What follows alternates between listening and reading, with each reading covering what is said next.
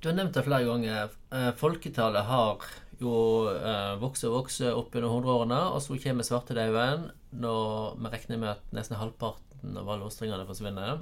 Men så fortsetter det igjen, sant? så, så eh, vokser det.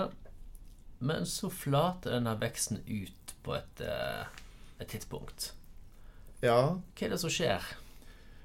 Ja, altså når vi kommer rundt midten av 1600-tallet, så, eh, så ser vi da at eh, folketallet den når på en måte da en eh, foreløpig topp, og flater ut utover eh, 1700-tallet.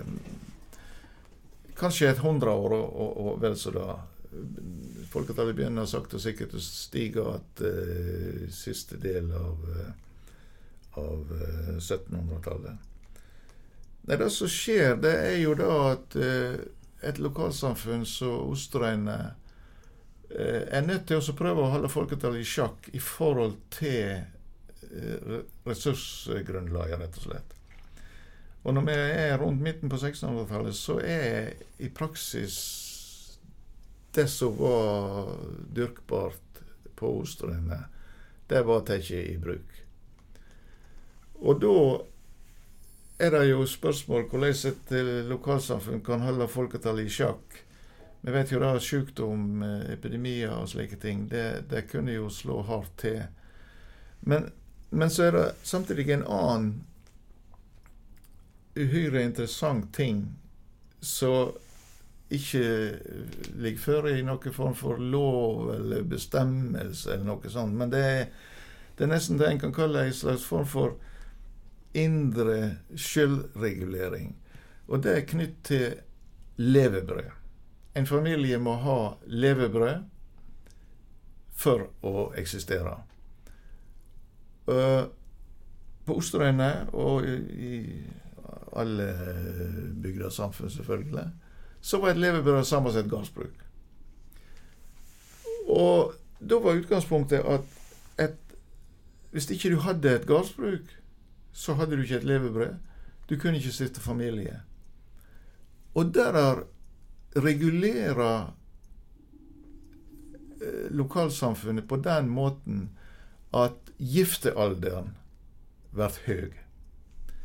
Og det er veldig stor forskjell på om giftealderen er 20 år, spesielt for kvinner, eller om man er 30 år. Og når vi er på Altså, denne da snakker vi om hvor mange unger du rekker å sette til verden, på en måte. Nettopp. Altså, da å redusere eh, kvinner sin, eh, sin eh, periode til å få båten med ti år, det er ganske dramatisk. Eller iallfall det, det får konsekvenser for uh, Du vil ikke få den auken i folketallet lenger, rett og slett. Okay, Og dette her er ikke spesielt for Ostrien. Dette, her- dette her er en mekanisme som brukt, eller som fungerer i faktisk hele Europa, iallfall, som en eh, kjenner til. Da at levebrød er vilkåret for oss å uh, ha en familie.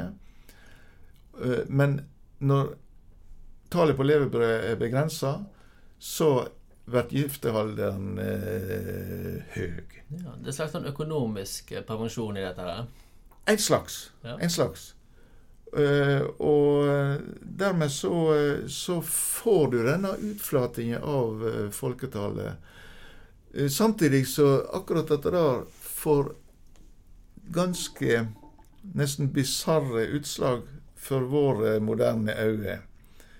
Der er et eksempel nemlig på det, Da er vi på Espevoll. Der sitter ei ekkja som eh, hun er nesten 70 år. Og hun eh, har da gard.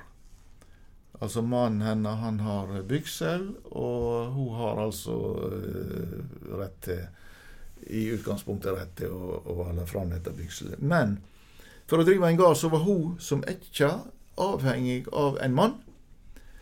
Og så eh, skjer det merksnodige at hun får fatt i en ungdom på Hartvedt.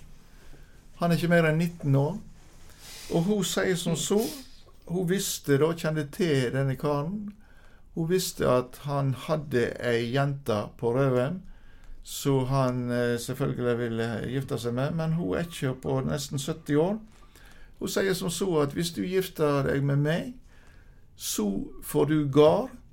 Jeg er gammel og vil ikke leve så lenge. Så når jeg er død, så kan du gifte deg med hun som du vil eh, gifte deg med. Hvor lenge lever du da? Hun levde faktisk i ti år. Sånn at eh, når først de ti åra var gitt, så eh, gikk han stad og gifta seg med henne fra Røven. Hun venta? Hun venta tydeligvis, ja. Så eh, er, Dette blir jo et, et, et nokså nesten bisart uh, utslag. Men, men, det har å gjøre med dette her at levebrød var vilkåret for å uh, stifte familie. Og levebrød på denne tida, det var det samme som et gårdsbruk. Mm.